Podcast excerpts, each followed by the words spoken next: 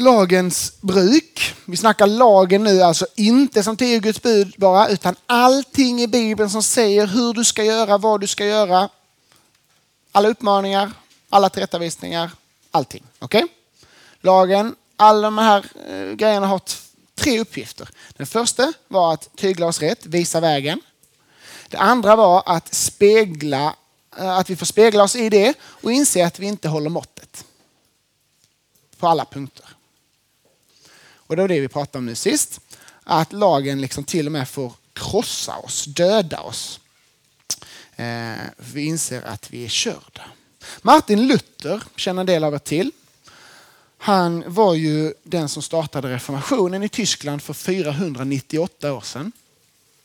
Och 2017 så blir det Lutherfest, eh, typ, för då var det 500 år sedan. Eh, han var ju en munk och han blev munk Därför att han ville göra så som Gud eh, hade sagt att man skulle göra. Han ville läsa mer Bibel, han ville be mer, han ville bli liksom ännu mer, göra rätt. Han ville inte leva ute bland människor i, i världen för då kanske han gjorde fel. Utan han stängde in sig, blev munk, han läste Bibeln, han bad för att liksom bli rättfärdig. Och så en dag när han var ute och cyklade, eller på säga, men det kan han inte gjort, det fanns inte cyklar då, han var ute och gick väl. Så blev det ett åskväder. Han var ute på en åker, han flyr in under ett träd, ni vet, han hade koll på det redan för 500 år sedan. Man ska gömma sig under träd när det åskar. Och så slår blixten ner och han blir dödsskraj och han inser att om jag dör nu då är jag körd för jag lever inte upp till rättfärdigheten. Jag är inte där jag borde vara, jag är inte färdig, jag är inte klar. Jag är inte liksom den som Gud kräver att jag ska vara. Och då börjar han läsa i Bibeln. Mycket bra, gör det. Och, och så fick han en, man får säga att han fick en uppenbarelse. Eh, när han kom till Romarbrevets första kapitel, vers 16 och 17. Och det är sådana här, det här är viktiga verser. Då står det så här, först skriver Paulus att jag skäms inte för evangelium. Och så fortsätter han om vad evangelium är för någonting. Det är en Guds kraft som frälser var och en som tror. Frälser är alltså räddar. Det är en Guds kraft, inte en människas kraft, som räddar var och en som tror. Först juden och sedan greken. Det kan vi prata mer om en annan gång. Rättfärdighet från Gud uppenbaras i evangelium av tro till tro. Alltså genom att vi tror och för att vi ska få tro. Alltså i evangelium som Gud har uppenbarat. När vi läser det så uppenbaras uppenbaras rättfärdighet från Gud och tro på, Gud, på honom. Rättfärdighet från Gud. Och för Luther blev det här totalt här har jag kämpat och blivit munk och allting bara för att jag ska liksom leva upp till Guds krav, till lagen.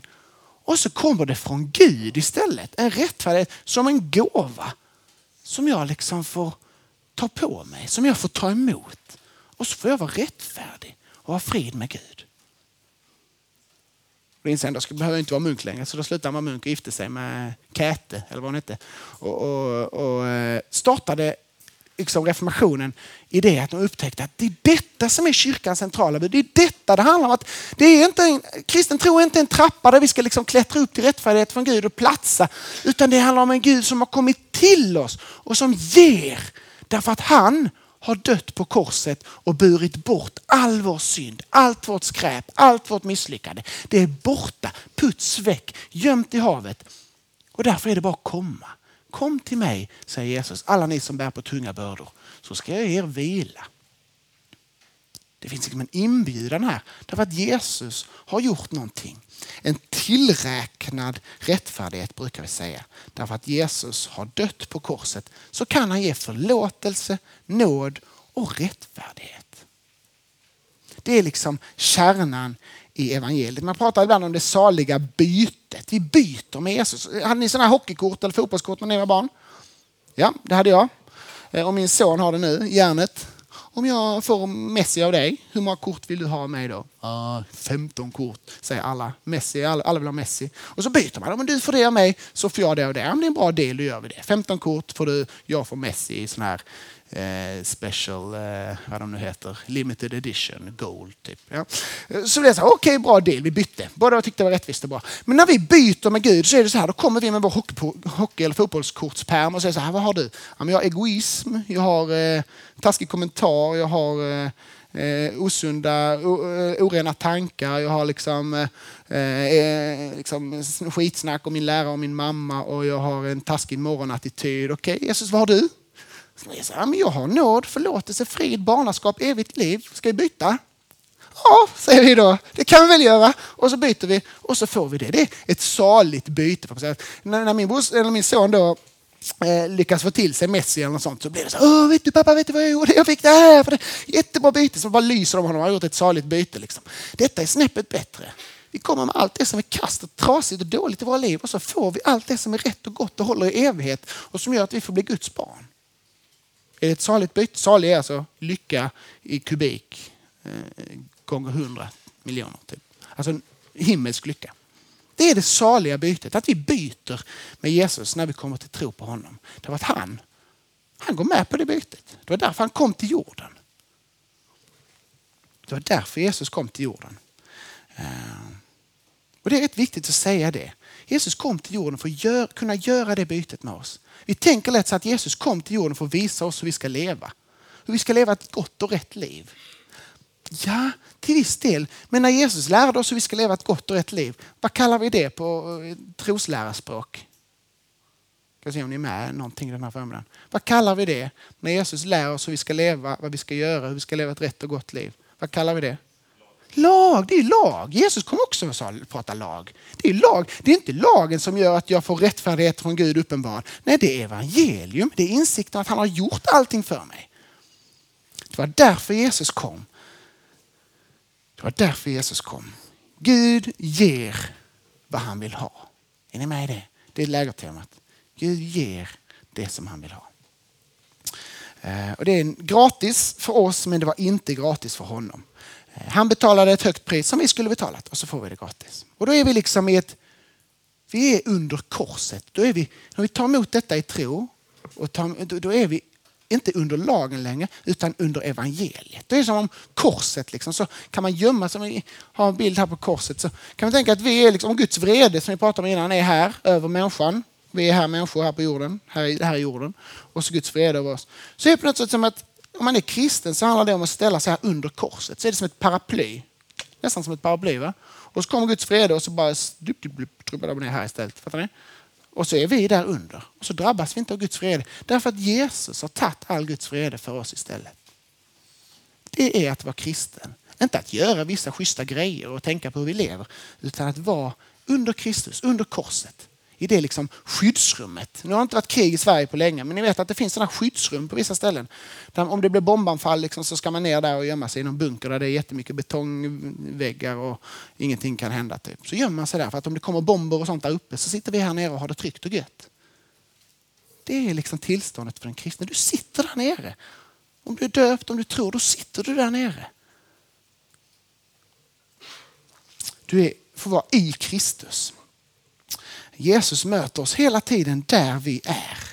Eh, inte där vi liksom borde vara. Jag vill läsa från Romarbrevet 3, där jag läste innan, eh, och fortsätta läsningen där. För det, det här är liksom fångar lag och evangelium eh, på bästa sätt. Romarbrevet 3 och 19, då läste jag så här innan.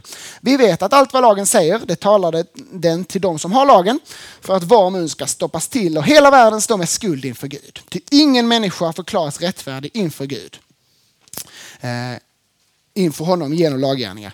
Genom lagen ges insikt om synd. Och så fortsätter det. Men nu har utan lagen en rättfärdighet från Gud blivit uppenbarad. En som lagen och profeterna vittnade om. En rättfärdighet från Gud genom tro på Jesus Kristus för alla som tror. Här finns ingen skillnad. Alla har syndat. Alla saknar härligheten från Gud. Och de står som rättfärdiga utan att ha förtjänat det av hans nåd därför att Kristus, Jesus, har friköpt dem. Tydligare så blir det väl inte? Det är precis, jag kunde läst detta så kunde vi inte prata mer. Det, detta fångar allting. va?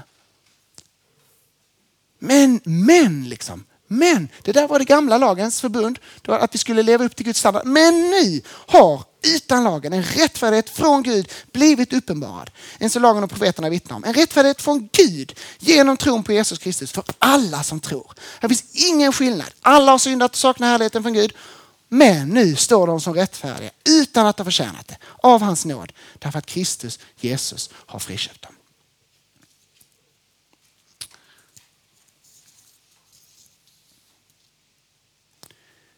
Är ni med på detta? Det är liksom inte, om man uttrycker det lite på sin spets kan man säga, det är inte Guds godhet som gör att vi kan vara trygga. Utan det är Jesus offer. Nu kanske jag uttryckte det lite på sin spets, för det är Guds godhet som gör att han sände Jesus och offrade Jesus för oss. Ja, Gud är god, men han är också vred. Så inför Gud, även om Gud är 100% god så kan vi ändå inte liksom vara trygga inför Gud. Men genom Jesus, i Jesus, under korset, i den rättfärdighet som vi får från honom, där kan vi vara trygga. Är ni med på den? Det är inte Guds godhet som gör att vi kan vara trygga. Utan Jesu offer. Att Jesus har burit din och min synd.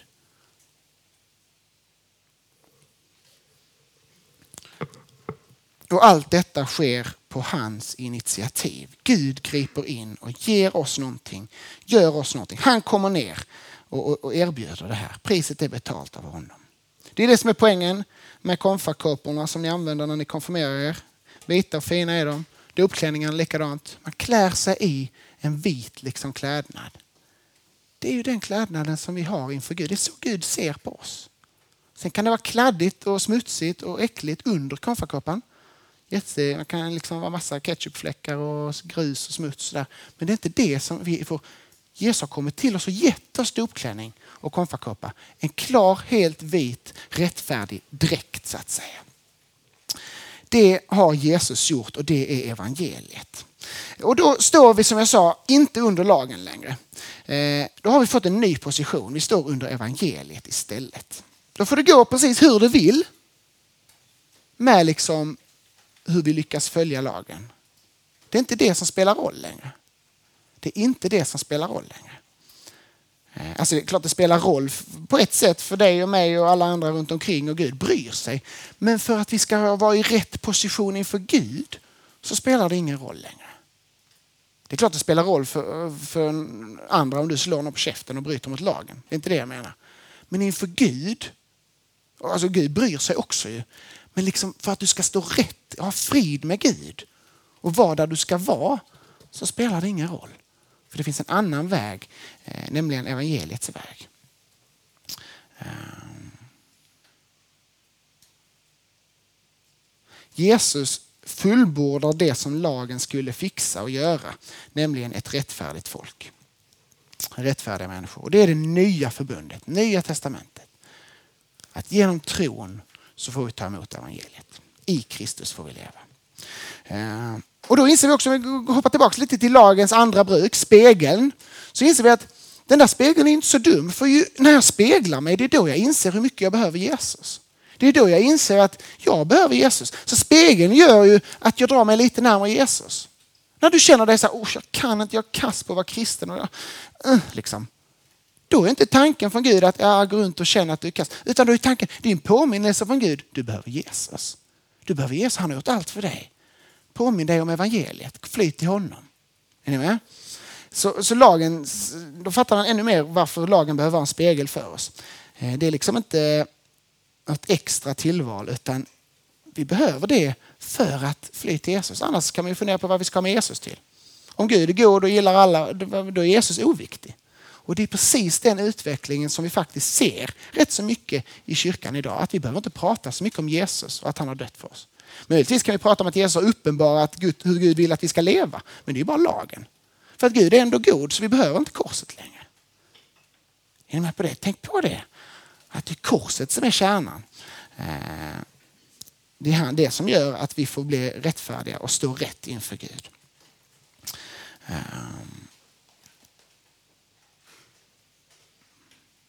Och det som jag sa innan också är så häftigt då, att evangeliet gör ju, alltså när jag lyssnar, det är genom att lyssna på evangeliet som jag kommer till tro på evangeliet. Genom att lyssna på evangeliet, det är då evangeliet uppenbaras för mig och tron vaknar i mitt hjärta. Jag kan tycka, åh, ska vi sitta och lyssna på vad Jesus har gjort för oss tusen gånger? Ja, men om vi lyssnar först på lag, liksom, och vad vi borde göra, fatta vår eh, position, hur körda vi är och sen får höra evangeliet, ja, då vaknar tron i våra hjärtan. Det står i Bibeln så. Tron kommer av predikan och predikan utifrån Guds ord. Tron vaknar när vi får höra detta. När vi får höra att Jesus har gjort allt för oss, då vaknar, då föds tron. Evangel om man säger så, lagen, det lagen gör i oss är att knäcka oss. Det evangeliet gör i oss är att skapa tro. Eh.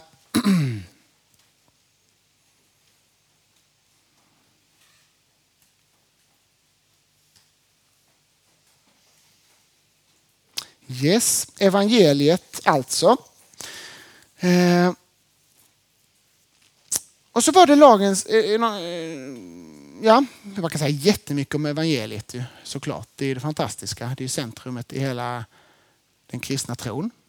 Men om vi då ska prata om lagens tredje bud något. Vi sa att lagens första bud var tygel, andra, bud, andra bruk var, var spegel. Vad är då lagens tredje bud? Jo, det var regel. Det måste vi säga någonting också om. För att även om Jesus liksom har fullbordat, han, har, han säger att han fullbordar lagen därför att han gör det som lagen skulle göra, fixar rättfärdighet åt, åt, eh, åt människan. Så säger han också där att lagen inte går under. Lagen inte, liksom, inte en punkt i lagen ska försvinna, säger han. Och då är frågan, hur ska vi förhålla oss till lagen idag? Ska vi följa den eller ska vi strunta i den? Lagens tredje bud är att ha Guds lag som en regel. För grejen är att Guds vilja är precis densamma. Kommer du ihåg Zlatan i början? Guds goda vilja är något gott. Gud har inte ändrat sig. Det är inte så att Gud tycker att nu är det okej att mörda eller nu är det okej att liksom ljuga. Guds vilja är precis densamma. Men som väg till räddning, frälsning, Guds, att bli barn till Gud och evigt liv i himlen. Det är där lagen inte funkar. Men lagen är fortfarande lika god, fortfarande lika rätt. Gud har liksom inte ångrat sig en millimeter. Och därför får vi ha den som en regel. Regler när vi spelar Monopol har vi för att det ska funka. Och på samma sätt vill Gud ge oss regler också som kristna, också när vi är under evangeliet för att veta hur vi ska eh, leva våra liv. Men det är en helt annan, helt annan eh, vi ser lagen ur ett helt annat perspektiv. Istället för att lagen är det som jag måste klara av för att platsa så går jag nu hand i hand med Gud och frågar i princip pappa, vilken väg ska vi gå? Är ni med på skillnaden? Vi har fått ett helt nytt förhållningssätt. Vi är inte under lagen längre, men vi vill följa den. Därför att vi vill ju leva tillsammans med Gud och vi undrar, hur ska jag göra Gud? Därför är lagen fortfarande eh, viktig som vägledning för Guds barn. Eh, men inte så här då, men nu har vi fått det, nu måste vi också liksom betala tillbaka. Det är inte det det handlar om. Men den som har blivit kristen vill ju följa Jesus, vill ju göra det som är rätt. Det är en av, de, det är en av trons liksom frukter och konsekvenser i våra liv, att vi vill följa honom. Så därför är lagen från Gamla Testamentet en självklarhet för en kristen att följa. Sen kan man komplicera det lite. Lagen som Mose fick, det finns tre olika sorter av den. Det finns eh, civila lagar, som alltså samhällslagar som gällde för judarna, judiska folket som Gud gav dem. Det fanns ceremoniella lagar om hur templet skulle funka och tillbedjan och sådär. Och så fanns det de moraliska lagarna. Och allting är Guds goda vilja, men det är rätt så tydligt i Bibeln att det är de moraliska lagarna som vi ska fortsätta leva under de moraliska lagarna. Inte liksom hur, att vi ska, hur vi ska göra med rökelsen i, i templet och inte hur liksom straffsystemet ska se ut i, i, liksom, som det var för judarna för 3000 år sedan eller 4000 år sedan. Men de moraliska lagarna är en självklarhet. Eh, Jesus är tydlig med det. Han säger i Johannes 14 att den som älskar mig, han håller fast vid mina bud. Den som älskar mig, han håller fast vid, vid mina bud och vid mitt ord. Eh, I Johannes, eh, första Johannes brev kapitel 1 så, så, så prat, skriver Johannes om att älska Gud. Och då säger han väldigt tydligt, kärleken till Gud visar sig i att ni håller hans bud. Alltså det är så man visar att man älskar Gud. Det är att hålla hans bud. Är ni med på, alltså det här är så, så viktigt nu. Att nu snackar vi inte detta att oh, nu, nu måste jag ändå platsa. Jag måste leva. Nej, nu, du platsar på grund av Jesus. Men när du väl är där så blir det också viktigt för dig att leva så som Gud vill. Inte för att få vara kvar, inte för att platsa, men därför att Gud har fått drabba dig och göra något i ditt hjärta. Den heliga ande utgjuts över den som kommer till tro. Det är anden som verkar tro i oss.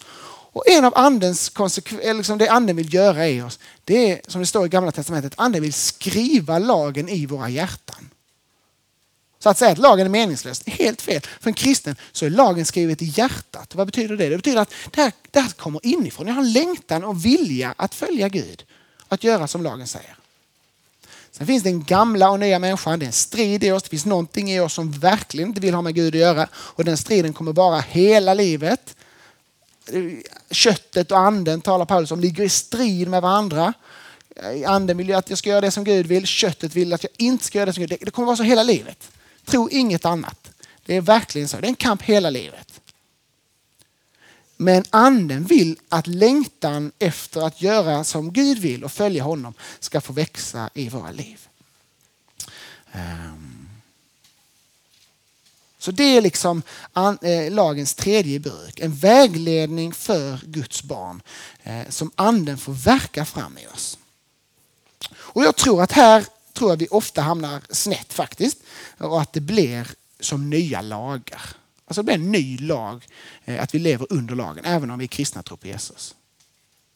Det jag pratade om förra gången, att det är så, lagen är så naturlig för oss. Så vi tänker så lätt att, att, eh, att vi ändå ska leverera på något sätt. Och vi tänker att om jag gör lite mer så får jag lite mer. Alltså om, jag, om jag bara anstränger mig så kommer det här lösa sig. Alltså om jag, eh, det, ytterst sett, det man skördar det får man så. Det är så oerhört lätt att det präglar våra kristna liv. Jag tror det. Men det är liksom ett lagiskt tänk. Och jag tror att det blir ett nytt slavok om man uttrycker det så. Någon definierade lagiskhet. En lagiskhet är att göra någonting för att få någonting. Så funkar inte kristendom. Kristendom är att ta emot det som Jesus vill ge. Eh, men motsatsen till lagiskhet är alltså inte att inte göra som lagen säger, utan det är att göra som lagen säger därför att vi vill det. Är ni med på det? Lagiskhet, att gå under lagen, jag måste leverera. Motsatsen till det är inte att strunta i vad lagen säger, utan motsatsen det är att göra det lagen säger, fast därför att jag vill det. Jag har en inre längtan, inte därför att jag vet att jag måste, som en väg till Gud. Eh, det, annars kallas det egen rättfärdighet med ett gammalt ord. Att jag är inte är rättfärdig i Kristus utan jag tror att jag är rättfärdig i mig själv. Eh, och jag tror att vi behöver gång på gång påminnas om detta. Eh, och därför är kyrkans uppgift att sprika lag, vad Gud vill, lag, att vi inte platsar, evangelium, vad, vad Jesus har gjort för oss. Det är liksom lycka. För vi behöver hela tiden påminnas om detta. Hela tiden komma tillbaka till det. Eh,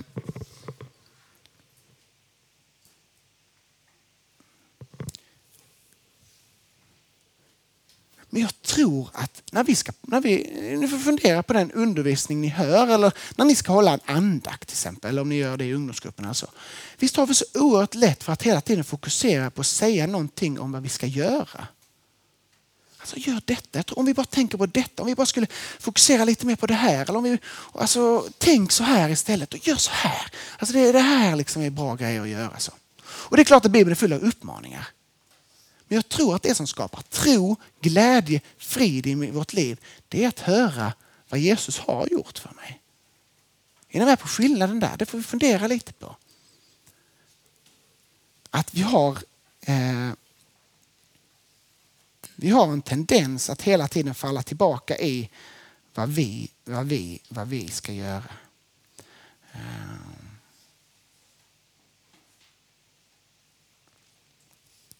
Även liksom peptalk. Kom igen nu, det här är skit. Om man kan, ett personligt vittnesbörd om vad Gud har gjort i mitt liv. Liksom, eller om Gud har svarat på en bön, eh, liksom ett bönesvar som är fantastiskt. Så, så är det så ofta det mynnar ut i att ja, men om vi bara ber lite mer.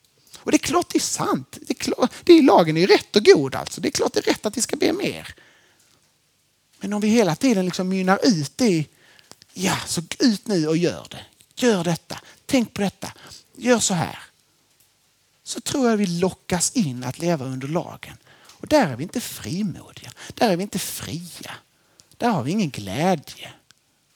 Vi går rätt så, jag tror, min känsla är att det finns rätt så många kristna ungdomar som går så här och tänker mycket på att de inte är så som de borde. Man vet att oh, Jesus älskar mig, han förlåter mig, men jag borde ändå vara mer frimodig. Jag borde vara liksom, tron borde vara viktigare för mig. Jag borde läsa Bibeln mer.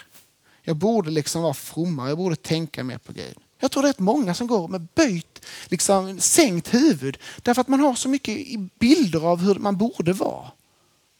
Och ja, det borde vara så, det är lagen liksom. Men om du får upptäcka evangeliet så vet du att du är hundra procent rätt inför Gud. Det är inte så att oh, 90, du platsade, gränsen är 90 och Jesus gav förlåtelse så du blir 90, sen ska du jobba på sista 10 själv. Du är helt hundra procent rätt inför Gud.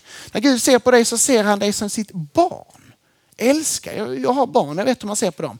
De är fruktansvärda ibland, men de är totalt hundra procent älskade och mina barn. De är helt, det, är inte så att de, det är inte så att de blir mindre mina barn för att de liksom gör något jättedumt. Eller hur? Det är inte så att min kärlek liksom, oh, dipp, dålig dag idag, ingen kärlek. Känslomässigt kanske det kan vara så ibland, kan jag erkänna. Men är ni med? Det är den positionen du har fått av Gud.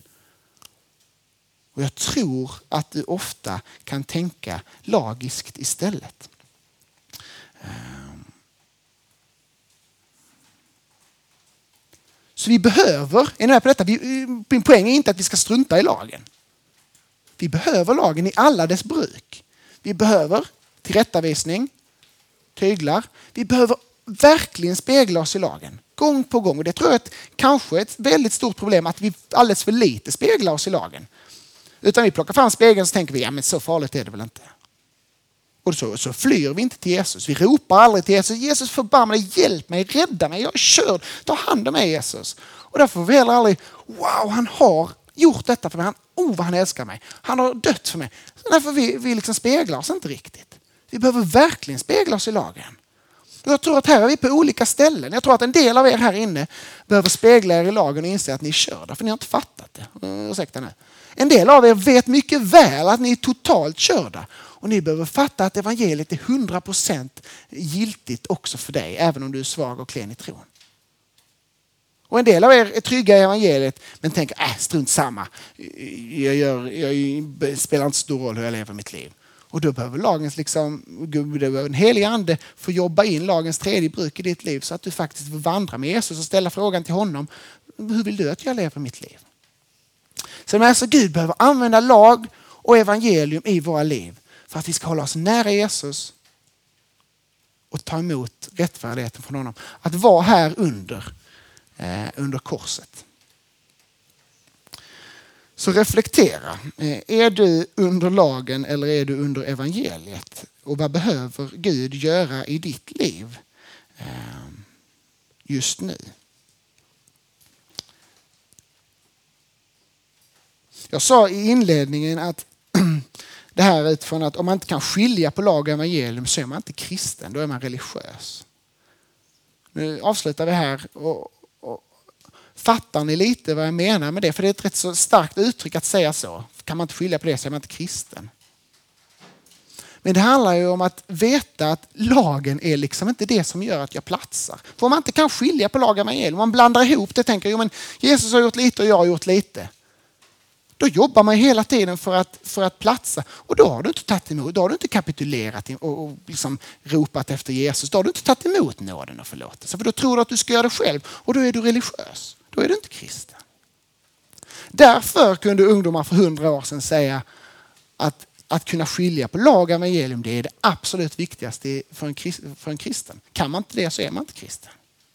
Är ni med? Det är ett starkt uttryck men jag hoppas ni fattar vad jag menar med det nu. Och det handlar inte om att kunna redogöra. Jag menar inte att ni ska kunna stå här två timmar och snacka om vad lag och evangelium är och redogöra för lagens tre bruk och bla bla bla. Men ni ska veta att när ni hör någonting, läser någonting så ska ni kunna veta, är detta lag eller är det evangelium? Är det här något som anklagar mig eller som liksom eh, visar vägen för mig på ett bra sätt? Så är det ändå lag, även om det är gott. Då ska jag ta till mig det, men det är lag. Det här är inte det, här är inte det som gör mig kristen. Och så får du veta vad evangeliet är. Att en har gjort allt för dig, att Jesus har dött på korset istället för dig. Att din synd satt i hans kropp när han dog på korset. Det är att kunna skilja rätt mellan lag och evangelium. Det är oerhört viktigt.